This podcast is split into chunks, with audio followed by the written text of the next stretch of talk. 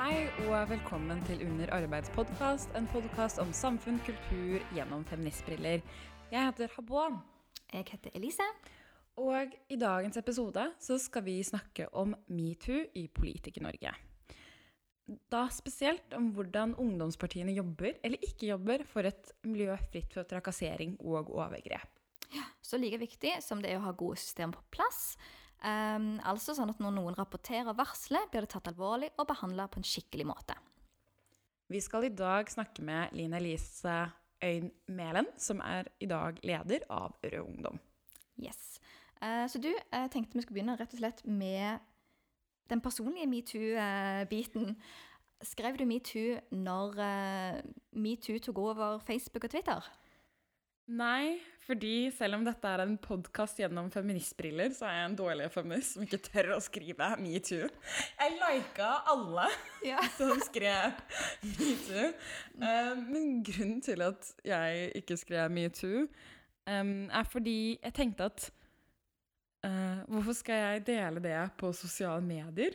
Uh, det er uh, Hva er det på en måte hva er det ved det som kommer til å fikse eller gjøre noen forskjell ved at jeg skriver metoo? Um, men ja, jeg tror ikke at jeg var den eneste. Uh, hva gjorde du? Nei, jeg eh, tenkte litt på det, og så tenkte jeg Nei, jeg tror ikke jeg legger ut noe. Og det var, men det var litt av andre grunner, fordi jeg trodde ikke jeg hadde opplevd noe. Jeg hadde lyst til å skrive det, men jeg følte at hvis jeg skriver metoo, så blir det falskt, fordi jeg har ikke opplevd noe særlig ille.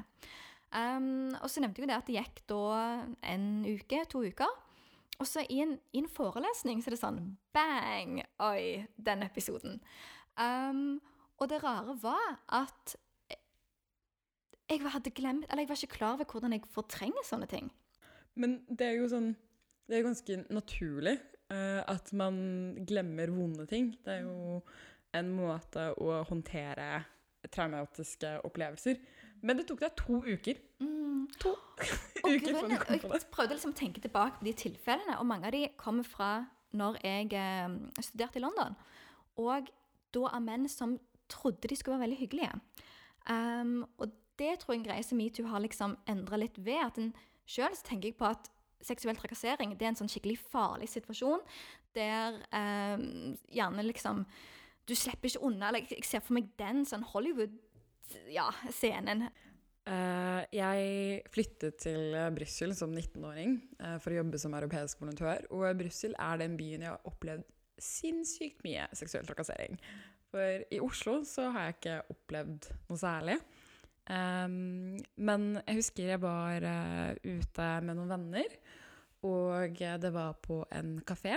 Så står jeg i køen, og så var det sånn unisex-toalett. Så var det også en fyr som var eh, litt gira og litt keen og var sånn Hva er telefonnummeret ditt? Hvor er du fra? Og så ble han veldig frekk og spydig og bare Hvorfor er du så utrolig eh, frekk? Hvorfor eh, gir du meg ikke nummeret ditt? Og så ble han litt eh, voldelig. eh, og tok tak i meg og holdt meg mot veggen. Eh, og da klarte å sparke og slå han unna. Eh, det, er, et øyeblikk det har vært veldig takknemlig for at jeg holdt på mange år med kampsport. Eh, men selv, opp, selv om jeg opplevde det, så vil jeg ikke dele det. For jeg har en sånn opplevelse av at det skjedde, jeg kom meg unna. Og der, når du kommer deg unna, så tenker du sånn Ja, men altså Det finnes folk som har opplevd mye mer forferdelige ting. Ja, sant? Eller liksom at, at det kunne vært en episode dele, men det ble ikke det fordi det kom meg unna. Og det jo sier jo kjempemye om den, den standarden en har, eller internalisert i seg. Hva, hva er et hva skal vi si, autentisk eh, form for trakassering, og hva er liksom sånn ja ja, type øyeblikk, da. Eh, og det er skummelt. Og jeg tror eh, Jeg tror at eh, veldig mange kvinner og menn opplever seksuell trakassering eh, hver eneste dag. Og ved å prate om det, så er det jo fint at dette er noe som kan skje alle sammen. Mm. For det var en ting òg med, eh, med en slags skepsis jeg hadde til metoo på sosiale medier. Og det var nok litt at han har sett lignende kampanjer i sosiale medier. Som hashtag 'jeg har opplevd' osv. Alle har vært veldig fine nettopp pga. at han har belyst omfanget av problemet. Men det er den litt følelsen OK, jeg skriver en hashtag, og så føler jeg mer at jeg kaster meg på noe, enn at jeg faktisk bidrar med noe. Um, og så fortsetter verden, på en måte. Men uh, det, det, uvanlige her var jo at det bare bygde seg mer og mer opp, uh, og at det fikk konsekvenser. Og en har litt sånn ulike arenaer der en møter trakassering. Sånn så f.eks. er på byen eller av fremmede. Det er jo kjempevanlig. Og når jeg var i Berlin, så, så, så kommer det Så tror jo mange Mange gir jo inntrykk av at de bare skal være hyggelige og vil snakke med deg. Men at de ikke skjønner hvor ekstremt ubehagelig det er for deg som, som kvinne som sitter der. Og jeg vet ikke helt, for det, det er ikke du som styrer situasjonen. Um, men så er du det òg i arbeidsliv eller i organisasjoner, der du da kanskje da er med en person hver dag. Uh, så vil den trakasseringen eller den opplevelsen på en måte gå inn på deg på en litt annen måte. Og da er greien, sånn jeg har sett nå i det siste, har en gode nok systemer for når det blir, skjer noe, og har òg ledelsene gode nok systemer for å ta imot disse varslene.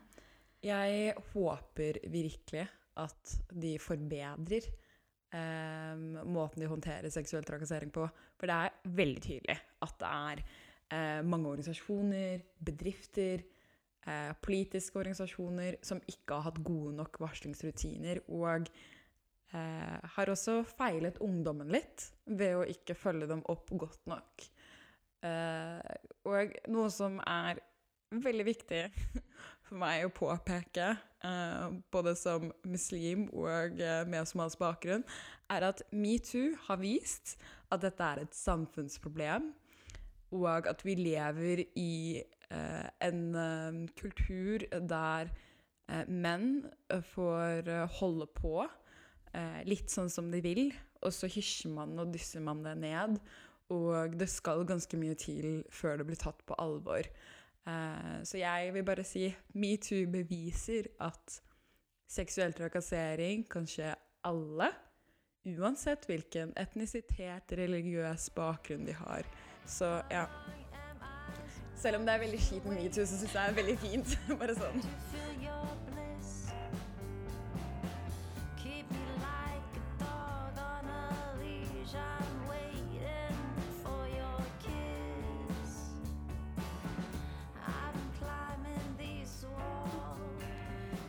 Velkommen til Linn Elise Øen Mælen, som er leder i Rød Ungdom.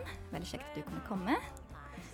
Yes, så Det jeg tenkte bare å begynne med når en da snakker om seksuell trakassering, Politiker Norge og metoo, er at når rett før jul en begynte å få inn disse varslene, og en begynte også å snakke om hvordan partiene, de ulike partiene håndterte de, ble du overraska over både omfanget eller òg hvordan kulturen var innad i partiene for å håndtere sakene?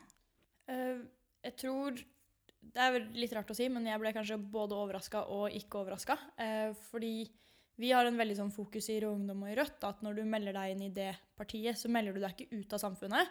Og i hele samfunnet så skjer det seksuell trakassering. Så det at det ikke skulle skjedd i Rødt eller Rød Ungdom, det, altså det er rett og slett bare ikke sannsynlig.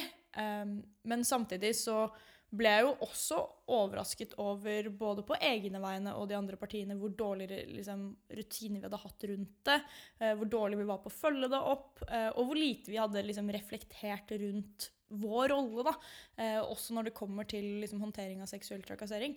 Fordi man har rutiner for stort sett alt annet. Men her merka jeg at vi, var, liksom, vi også var dårlige. Da. Vi hadde vært mye mer opptatt av å snakke om forebygging eh, og snakke om hvordan det ikke skal skje hos oss, og kanskje litt for lite liksom, opptatt av å si hva som skjer når det skjer hos oss. da.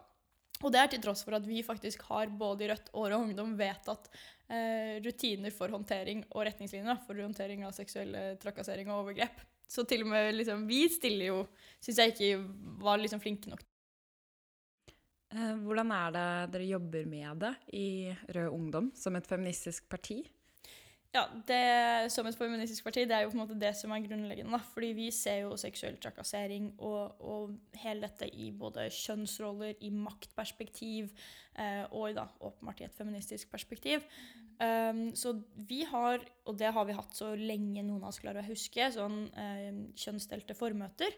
Eh, det er jente- og guttesamling, kaller vi det. da, eh, Der vi snakker om ulike feministiske utfordringer. Stort sett ført for hvert eneste arrangement, både eksternt og internt.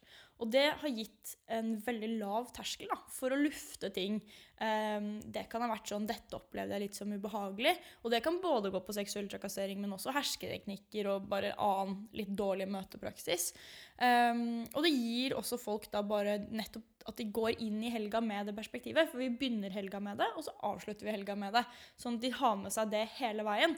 Um, og det tror jeg i hvert fall er med på å bidra til at det blir en lav terskel for å snakke om det, og økt bevissthet. Og i tillegg um, Det er det vi gjør veldig for oss selv, da. men i tillegg så har vi jo bøllekurs som vi har holdt siden ja, 80-tallet. Eh, 15 000 unge jenter har vært med på det. Og det er jo Rød Ungdoms selvtillitskurs for jenter. Og det er jo både eksternt og internt. Vi har holdt masse på skoler og sånn også. Og der snakker man jo om grensesetting, grenserespektering, seksuell trakassering, eh, og, og, rett og slett bare ja, hvordan det er å vokse opp som ung jente i dag, da. Um, og der nesten Altså, jeg kan ikke komme på et eneste kurs jeg har holdt hvor det ikke har vært noen som har sagt 'jeg er blitt utsatt for seksuell trakassering'. Og gjerne når vi snakker om det, vi snakker om definisjoner, vi snakker om at du selv må få lov til å kunne definere om det var ubehagelig eller ikke, og den type ting, så er det så Altså, man ser bare lyset da, gå opp i øynene på noen og var litt sånn å, herregud, jeg har hatt en ubehagelig opplevelse. Jeg skjønte ikke før nå at dette her var skikkelig ugreit. Og nå som du forteller meg at liksom, det ikke bare er greit da, å ta på liksom, rumpa mi eller fitta mi eller puppene mine eller liksom hva som helst, så skjønner jeg at liksom, jeg har blitt utsatt for det selv. Og, og det, det, liksom, det ser jeg da så mange jenter som bare plutselig innser. Så det er sånn vi har jobba med det eh, i en årrekke hos oss. da. Har metoo ført til at dere har gjort endringer eller sett nærmere på retningslinjene deres? Gjort noen grep der?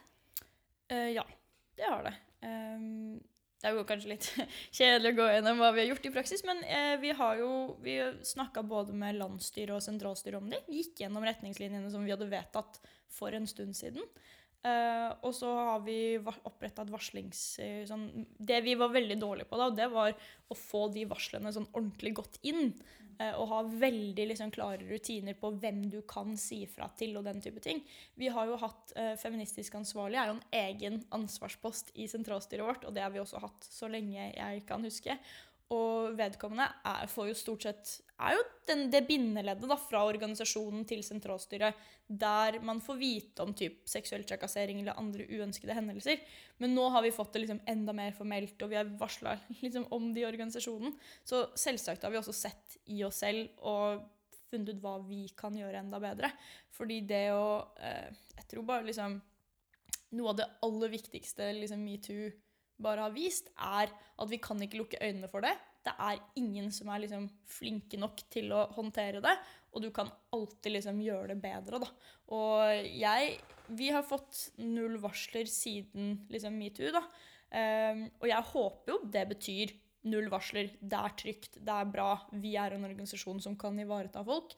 Men samtidig, når du har liksom null varsler i Rød Ungdom, så er det også litt sånn Er det noen som ikke har sagt fra? Er det noen ting som ikke har kommet fram? Og jeg vil jo veldig gjerne at man skal være et parti som man kan varsle til.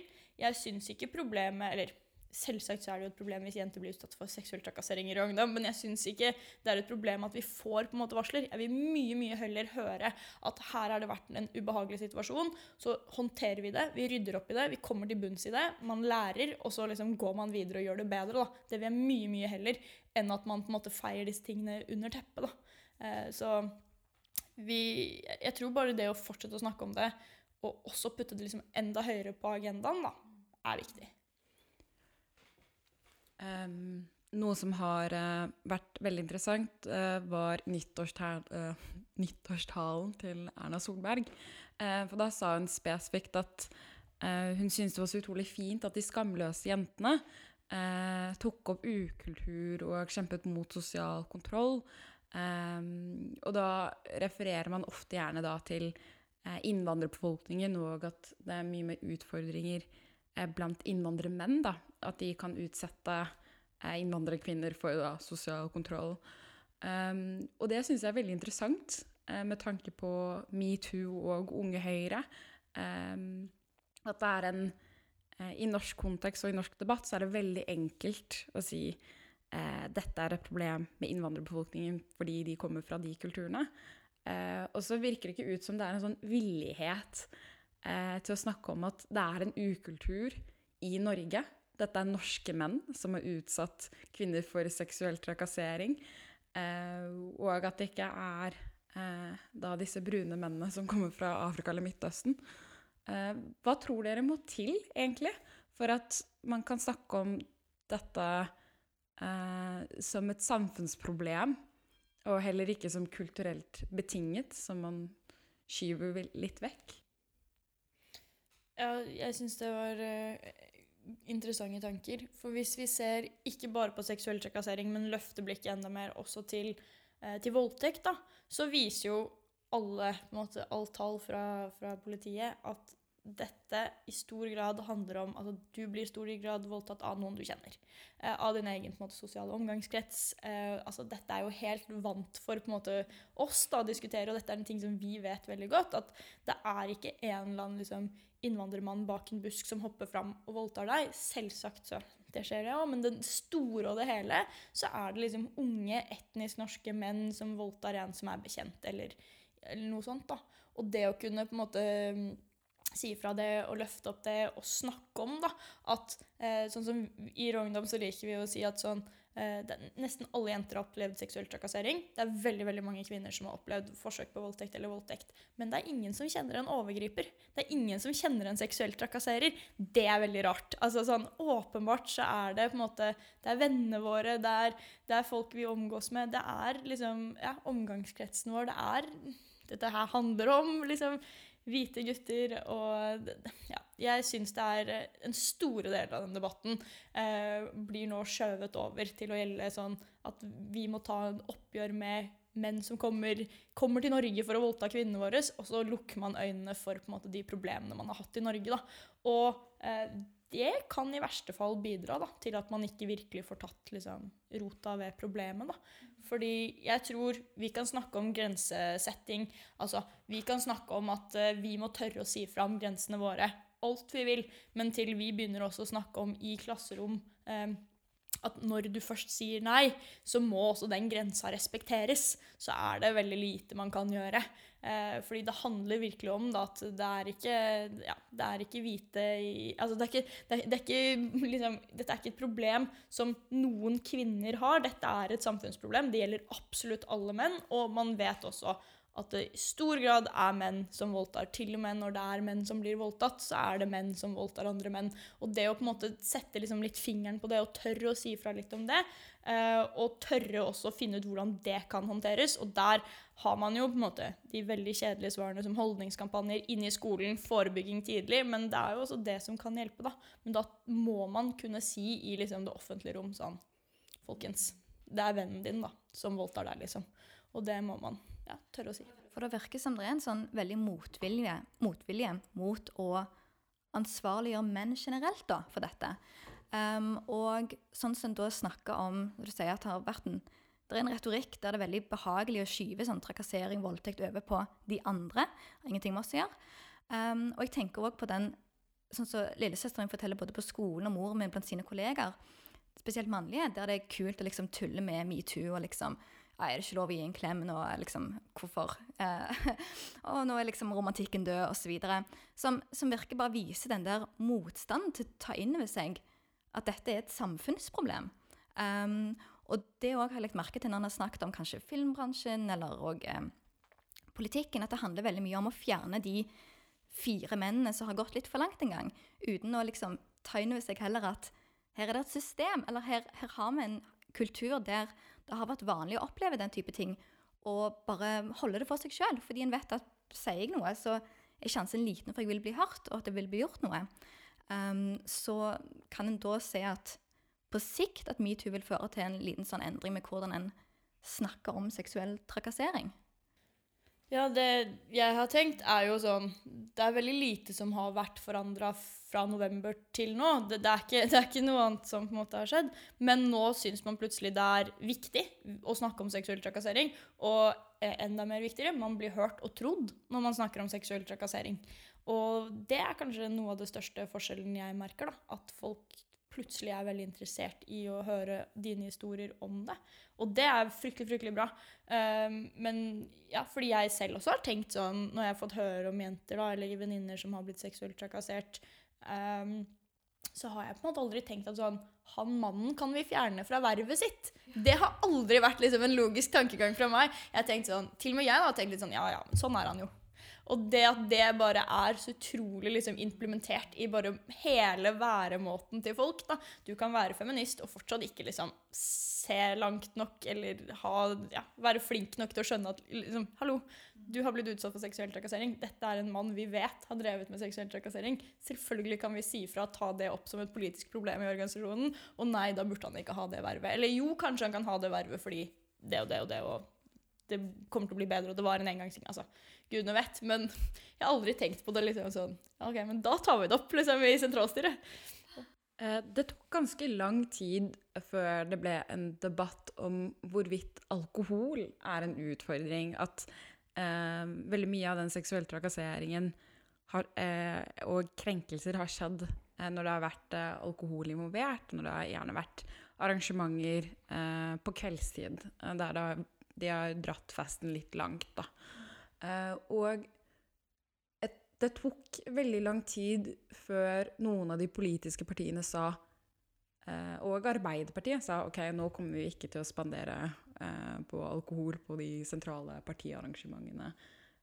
og jeg tror det har noe å si med den norske alkoholkulturen. Jeg tror at det er noe så inngravert i den moroa, og at man skal ta seg en øl etter eh, frivillige arrangementer, både i politikken og i andre organisasjoner. Jeg tror at det er et problem i Norge. Jeg tror ikke at man blir plutselig en overgriper når man drikker seg drita, men jeg tror den grensa eh, forskyves i når man bruker mye alkohol. Så jeg lurer på hva dine tanker er om det, og har Rødt og Rød Ungdom noe sånn alkoholfri politikk når dere har sosiale arrangementer? Ja, jeg tror du, du er inne på det. Jeg syns det er også litt skummelt å på en måte gi alkoholen skylda for dette, men det er helt åpenbart at grensene blir mer uklare når man har drukket og dømmekraften er svekket.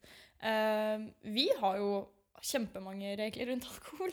Eh, og det er jo både med tanke på seksuell trakassering, eh, men også bare det at de aller fleste medlemmene i Ungdom som er aktive og kommer på konferanser, er under 18. Så det ville bare rett og slett vært liksom ulovlig. Så, det, for oss så har det bare vært helt utenkelig. Alle våre arrangementer er alkoholfri eh, i Ungdom. Og det har det vært så lenge jeg kan huske. Eh, og det, det, altså sånn, det, det, er vår hovedregel. Eh, og så har vi også ganske mye regler rundt i Rødt. Eh, selvfølgelig ikke noe på møter. Um, og man, der, der, også så vi, har vi nå en enda større debatt om man i det hele tatt skal tillate det på arrangementer. Rødt spanderer selvsagt ikke liksom, alkohol på folk, og det tror jeg også er en viktig liksom, forskjell. Da, om du spanderer det, eller om det er gratis, eller om det er noe du kjøper selv. Um, og så prøver man også å ha alkoholfrie liksom, møteplasser. Da, uh, der rett og slett Vi har ikke lov til å ha i Rogndam møter på steder hvor det serveres alkohol heller. Så vi kan ikke ha liksom, et pubmøte selv om alle sitter og drikker liksom, uh, eplemos. Um, det, ja, men det handler jo som sagt også om alder på en måte, og den norske alkoholloven. Uh, men selvsagt også seksuell trakassering. Hvor, vi har jo søsterorganisasjoner i både Sverige og Danmark um, som jeg har fått gleden av å besøke. Da. Og de også har en sterk feministisk profil og har mye liksom, feministisk praksis inngravert. Um, men det er noe helt annet å være hos de på kvelden når de drikker alkohol, eh, enn det det å være på ungdomarrangement. Um, I Danmark spesielt, hvor loven er litt annerledes og du kan være 16, så har jo våre danske liksom, eh, kamerater da, de, de drikker på sine arrangementer. Og jeg, hver gang vi har dratt fra et arrangement i Danmark, så har vi alltid liksom dratt til der og tenkt sånn Så koselig at de kan ta en øl på møtet, da! Det blir stas! Det gleder jeg meg til. Og så drar vi derfra, så vi sier sånn Å, gud, vi skal aldri ha alkohol på våre arrangementer. Og det er liksom Altså, det er så mange utfordringer, da. Eh, og mange av de er jo knyttet til på en måte grenser og hva du gjør edru, hva du gjør liksom drita og sånn. Men også bare det å få folk til å stå opp om morgenen, liksom. Eh, så, så, det er et helt spekter, da. Så vi har sagt veldig sånn klart nei til alkohol. Og jeg er veldig veldig glad for at de andre ungdomspartiene diskuterer det og sånn. Fordi jeg tror det kan finnes mange ulike måter å løse det med alkohol på. Eh, for oss så er det nei, eh, og det en måte var det enkleste å løse det på. Men de, så lenge de har en diskusjon om det, jeg tror det er viktig. Løfte debatten, løfte bevisstheten rundt det. Og så kan de jo lande på andre standpunkter enn oss. Eh, men ja, jeg ville anbefalt de å ikke ha alkohol. Det, det gjør det også litt lettere å få, få, barna opp om morgenen. Jeg kom over en kronikk på NRK Ytring der en han var, han var headhunter, Per André Marum, eh, sa dette, at politiske partier har en ekstra stor utfordring når det kommer til å unngå uønska seksuell atferd i egne rekker. Um, for da Spesielt når det var denne bølgen med, og da spesielt KrFU, Unge Høyre. Um, er det da noe spesielt med politikken som da gjør at dette er et, større greie enn i andre typer organisasjoner? Um, jeg tror igjen både ja og nei. Eh, det er hele den der at du, du melder deg igjen ikke ut av samfunnet. da. Det fins i hele samfunnet. Det fins også i partier. Eh, og så kan det ha noe med at i Altså det fins når du, når du, er med i et skytterlag eller du er med i en korps eller liksom andre typer ting, så, så, vet jeg ikke liksom helt hvordan det er med de. Men jeg har et inntrykk da, av at når du er med i en ungdomsorganisasjon, så, og særlig tillitsvalgt, så er du tillitsvalgt 100% av døgnet. Din, altså alt du gjør, er, er, du på en eller annen måte fortsatt tillitsvalgt. Da. Det gjelder din atferd på sosiale medier, det gjelder din atferd i virkeligheten. Og eh, derfor så tror jeg rett og slett at vi behandler på en måte saker da, som ikke nødvendigvis skjer i Rød Ungdom, på arrangement mellom to medlemmer. Vi kan behandle saker i forhold til våre seksuelle retningslinjer eller sånn retningslinjer for håndtering av seksuelle krenkelser og sånn, som bare handler om ett medlem i Rød Ungdom som har gjort noe på f.eks. Liksom en annen arena. Da. Eh, og det gjør jo kanskje politikken til litt unik, for det vet jeg ikke om på en måte korpset eller skytterlaget ville gjort. da. Um, så det er jo på en måte ett aspekt, men det er kanskje det mer sånn varslemessig aspekt ved det. Eh, men det er, altså hvis du skal se mer sånn grunnleggende på hva er liksom politikk og ungdomspolitikk, så er det jo um, det er nok kanskje noen altså faktorer det blir litt sånn synsing, men det er noen faktorer som skiller. Og det er jo at man ofte møtes på tvers av ganske høy alder. Um, særlig når du deltar på arrangementer i regi av Moderpartiet, så kan det jo være folk helt opp til liksom, pensjonistalderen og medlemmer helt ned i 13-årsalderen. Um, ofte så har jeg hvert mitt inntrykk av at folk som er med i ungdomspartier, er veldig modne, veldig voksne. De virker veldig voksne og veldig liksom, reflekterte. Så det kan være veldig lett å glemme at de er unge. Uh, og det er ofte liksom type alkohol, og det er, noe, det er ekstra store maktforskjeller. Det er ekstra stor liksom, Det er tillitsvalgte på ja, Kanskje ikke rødt eller sånn Rødt og rødt, men det er jo folk som sitter typ i regjering. Altså Det er helt øverste toppen av makt i Norge, ned til et helt vanlig medlem. da. Og det gjør jo selvsagt noe med det, fordi typ i et korps eller i et skytterlag så er jeg sikker på at det også finnes en del liksom, maktforskjeller. Men her snakker vi liksom helt fra statsministeren og hennes liksom, apparat da, ned til jeg har vært medlem i Rød Ungdom et halvt år. Uh, og det gjør jo også noe med det. Vi må jo se dette her i, i liksom, et perspektiv som handler om mer enn bare liksom, kjønn nå. Det handler om liksom, makt, og det handler om tillit, og det handler om ja, uh, disse typer tingene òg. Um, har du selv som leder, og selv om du er leder av et ungdomsparti, så er du også ung og er kvinne. Har du selv opplevd noe uønsket seksuell oppmerksomhet som leder? Som representant, og du har deltatt sikkert på masse arrangementer. Uh, jeg er usikker på hvor, hvor lenge er det du har vært leder av, av Rød Ungdom? Snart i fire år. Da regner jeg med du kan, eh, kan veldig mye og har sett veldig mye? Uh, ja. Jeg er, altså, jeg er, så heldig, eller hva man kan si, at uh, det faktisk ikke har vært noe i Rødt-sammenheng. Fordi vi tok en runde på dette, vi som Vi er tre kvinner da, som jobber på kontor i Ungdom. Og så har jo altså Praten går jo om dette her, liksom. Og da har vi jo prata uh, om det har skjedd også i Rødt-sammenheng. Og det har det faktisk det var ingen av oss som kom på at det hadde skjedd. Uh, nå skal ikke vi sitte på en eller annen høy hest. Det kan like så godt ha med at uh, Rødt ikke f.eks. har hatt så mye penger til konferansehotell og, og, den type altså store tilstelninger på kvelden og sånn.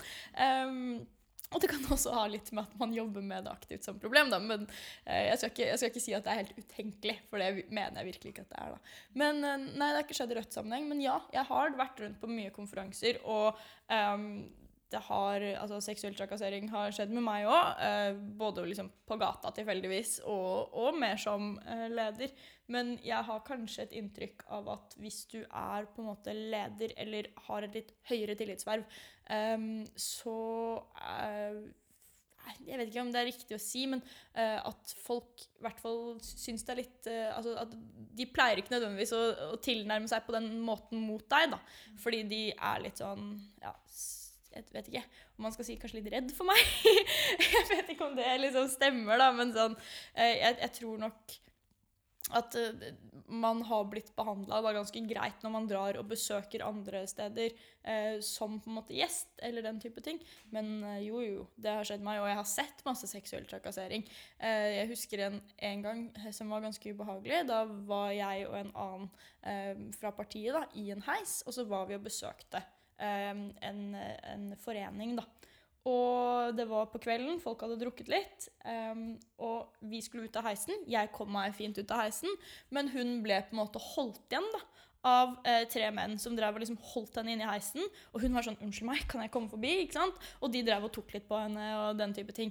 Og det var sånn Det var ekstremt ubehagelig der og da. Det var en veldig sånn Det var over ganske fort. Hun sa ifra, og det var ikke liksom et stort problem. Men bare den lille på en måte hendelsen da husker jeg fortsatt som ganske sånn ubehagelig. At de skulle stenge, stenge denne jenta da, inni, inni heisen. Og det liksom, så, så, ja da, jeg har sett det. Og, men da sa vi fra, på en måte. Eh, og de som det gjaldt, tror jeg fikk en real tilsnakk. Eh, men bare det å si ifra, da, det tror jeg var sykt viktig. Og der, der, var det ganske greit å melde fra og bare få lufta det ut, da. Men eh, ja, herregud. Jeg, jeg tror Det var en annen venninne av meg som også har vært feministisk ansvarlig i ungdom tidligere, uh, som sa sånn Noe av kanskje problemet her er at jeg har glemt så mye av det. At du blir utsatt for seksuell trakassering, og så bare glemmer du det. Fordi det er en uh, liten hendelse i livet ditt. Eller 'Å, jeg var den heldige'. Jeg, jeg, og det var ikke voldtekt. Eller liksom uh, Det var ikke så ubehagelig, da. uh, så det er kanskje noe av det som jeg nå, når jeg skal sitte og liksom tenke sånn Har jeg opplevd det? Så ja, men jeg har glemt så mye av det, og det er så lite av det. Og, sånn, Jeg har gjort det så lite og gjort det så viktig i hverdagen, da. Fordi det er, som kvinne så må du bare leve med det. Og det sier kanskje uh, Ja, det sier en del, da. Jeg syns det er vanvittig trist folk som har lyst til å bli engasjert i politikk osv., og, så og som har liksom lest litt hva som foregår. Um, har du noen tips eller tanker til hvordan en skal liksom håndtere at folk kanskje nå er litt usikre, eller hva, ikke tør kanskje helt å Det var en kronikk i NRK Ytring om at jeg skal ikke ha ungene mine i politikken før liksom alt dette er rydda opp i. Hva tenker du rundt det? Ja, det tenker jeg jo er ekstremt synd. Eh, fordi altså først, vi har ikke fått noen utmeldinger som vi vet om pga. det, og det er vi veldig veldig glad for. Eh, jeg tror folk trengs i ungdomspolitikken. Det trengs kanskje mer nå enn noensinne. Og nå vil jeg også si at nå har alle partiene en veldig høy bevissthet rundt dette. Eh, det vil jeg si gjelder liksom hele spekteret. Det kan ikke jeg påstå er noe unikt for liksom oss. Så hvis du nå har lyst til å engasjere deg i ungdomspolitikken, som jeg syns du burde, så er det eh, et godt tidspunkt å gjøre det på nå. Um, og så tror jeg måte, det å skulle reservere seg mot seksuell trakassering, det går rett og slett ikke an. Det skjer på skolen, det skjer på vei til og fra skolen, det skjer gjennom hele livet på arbeidsplassen. Overalt du går. Og ungdomspolitikken er en annen arena hvor det åpenbart skjer. Eh, men sammen så må vi jo på en måte prøve å bekjempe det, da. Eh, og det jeg er veldig takknemlig for for metoo-kampanjen, er at man nå har fått et rom til å snakke om det, og hvordan man kan bekjempe det. Og eh, vi har både snakka om typ sånn varslingssystem og hva man gjør når det først skjer. Eh, men nå må man både snakke om måte hvordan man forebygger det. Da tenker jeg både på forebygging i organisasjoner. Der føler jo jeg at Rød Ungdom har noen ting, som vi nevnte bøllekurs og eh, gutte- og jentemøter. Og vi kan sikkert få flere tiltak òg. Men viktigere så må vi diskutere dette også på liksom, politisk nivå. Hva kan vi gjøre? Fordi det å sitte og snakke om at uh, det eneste som hjelper, er varslingssystemer, eller det å bare si fra om sin historie er nok, det, det, altså, det, er ikke nok. Vi må løfte dette og på en måte komme videre. Da. Og der tror jeg det trengs uh, ja, der trengs virkelig liksom alle innspill. Da. Uh, fordi det, altså, åpenbart man har snakket mye om hvor dårlig seksualundervisningen er i skolen, og at det må mer innom dette, og at det må liksom bli bedre og mer ja, strømlinjeforma, sånn at man lærer det samme i alle fylker. og virkelig har liksom en, at dette, dette, er ikke en sånn ting man kan komme inn og ha en klein samfunnsfagslærer som snakker om i 45 minutter og er litt sånn 'Det er viktig å si nei da, folkens. Lukk beina deres, sikka sex.' Altså, det, det, er ikke nok. Og Ja betyr ja-kampanjen, eh, der man virkelig sier at det handler ikke bare om at man skal si nei, det handler om at man liksom kanskje burde ha et aktivt ja før man har sex.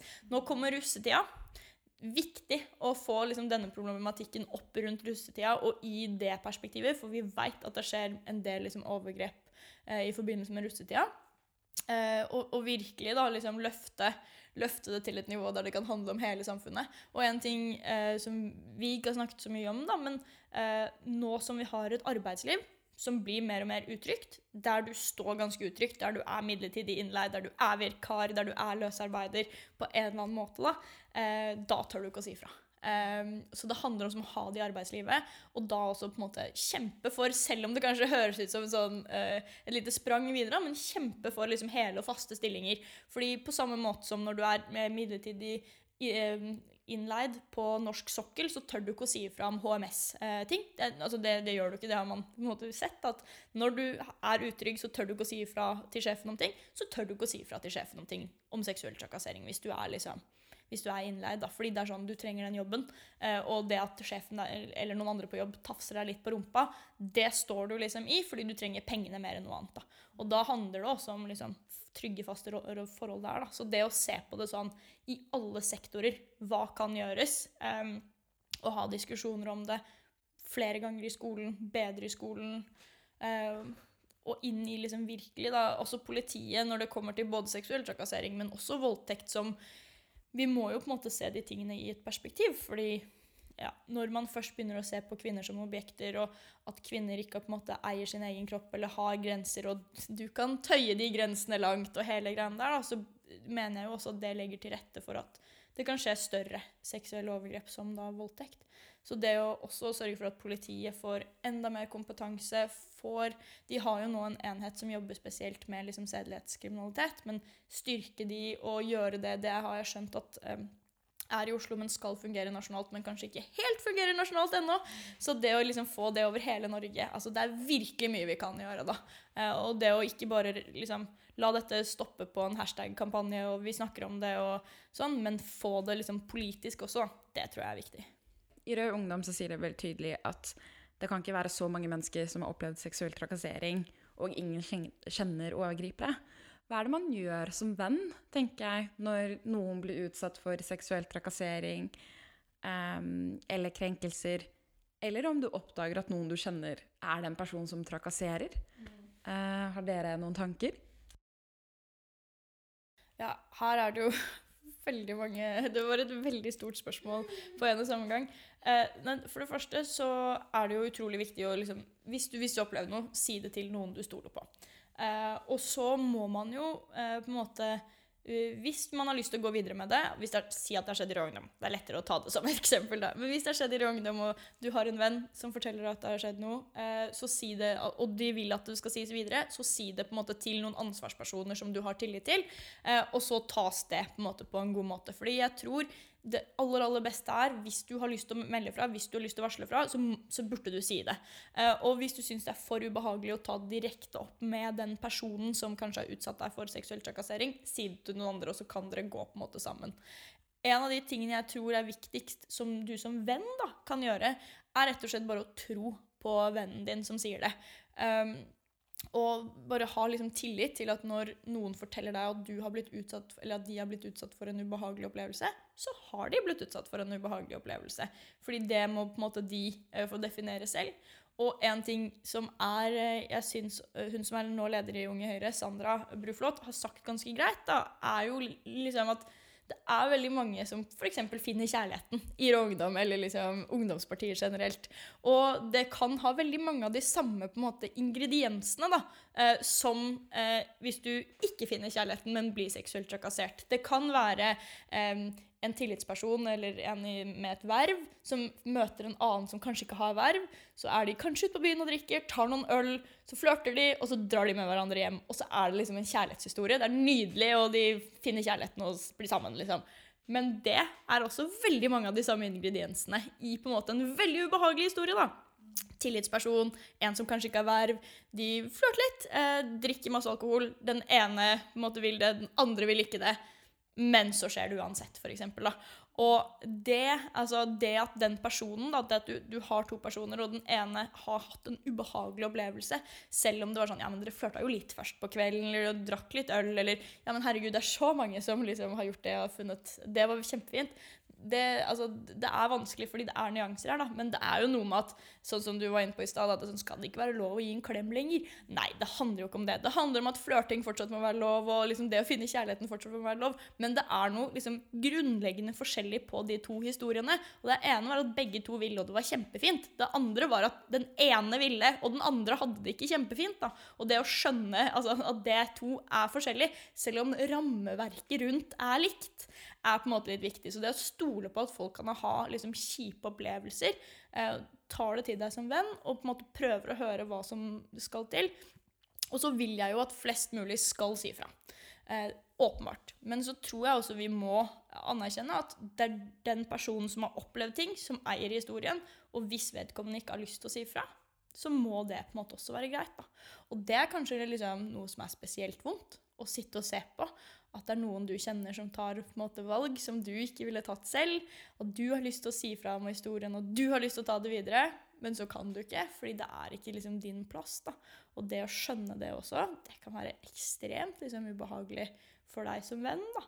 Um, så det er rett og slett Jeg tror da også at jeg ville prøvd å liksom, fortelle vennen min så mye jeg kunne at jo, men si ifra, det kommer til å bli bedre, osv., osv. Men det handler om å respektere på en måte vennens ønsker, da, til syvende og sist. Og det er sånn du er en god venn, liksom. Eh, om vennen ønsker å liksom, gå med en forferdelig genser, og du sier 'stå på', liksom, eller om den vennen ønsker å liksom, ta andre dårlige valg, da, sånn type ikke ønsker å, eller dårlig og dårlig, men ikke ønsker å si fra om noe de har opplevd, så må det også på en måte være greit. da. Uh, og jeg vil jo legge til et rette for at det skal bli lettest mulig å si fra. Enklest mulig. At det ikke skal oppleves som type et nytt overgrep, eller at vi mistror, eller liksom hva som helst. Men så langt så må jeg jo si at vi lever jo måte i et samfunn der dette er fryktelig utbredt. Der dette er eh, Det er vondt, det er vanskelig. Uh, og vi lever jo i et samfunn der de aller aller fleste voldtektsmenn måte går fri. Så da skjønner jeg også at det er folk som ikke har lyst til å gå videre med historiene sine. da. Og det, det, er trist, men det er sånn det er. Det er, det er jo veldig fint det du sa om metoo.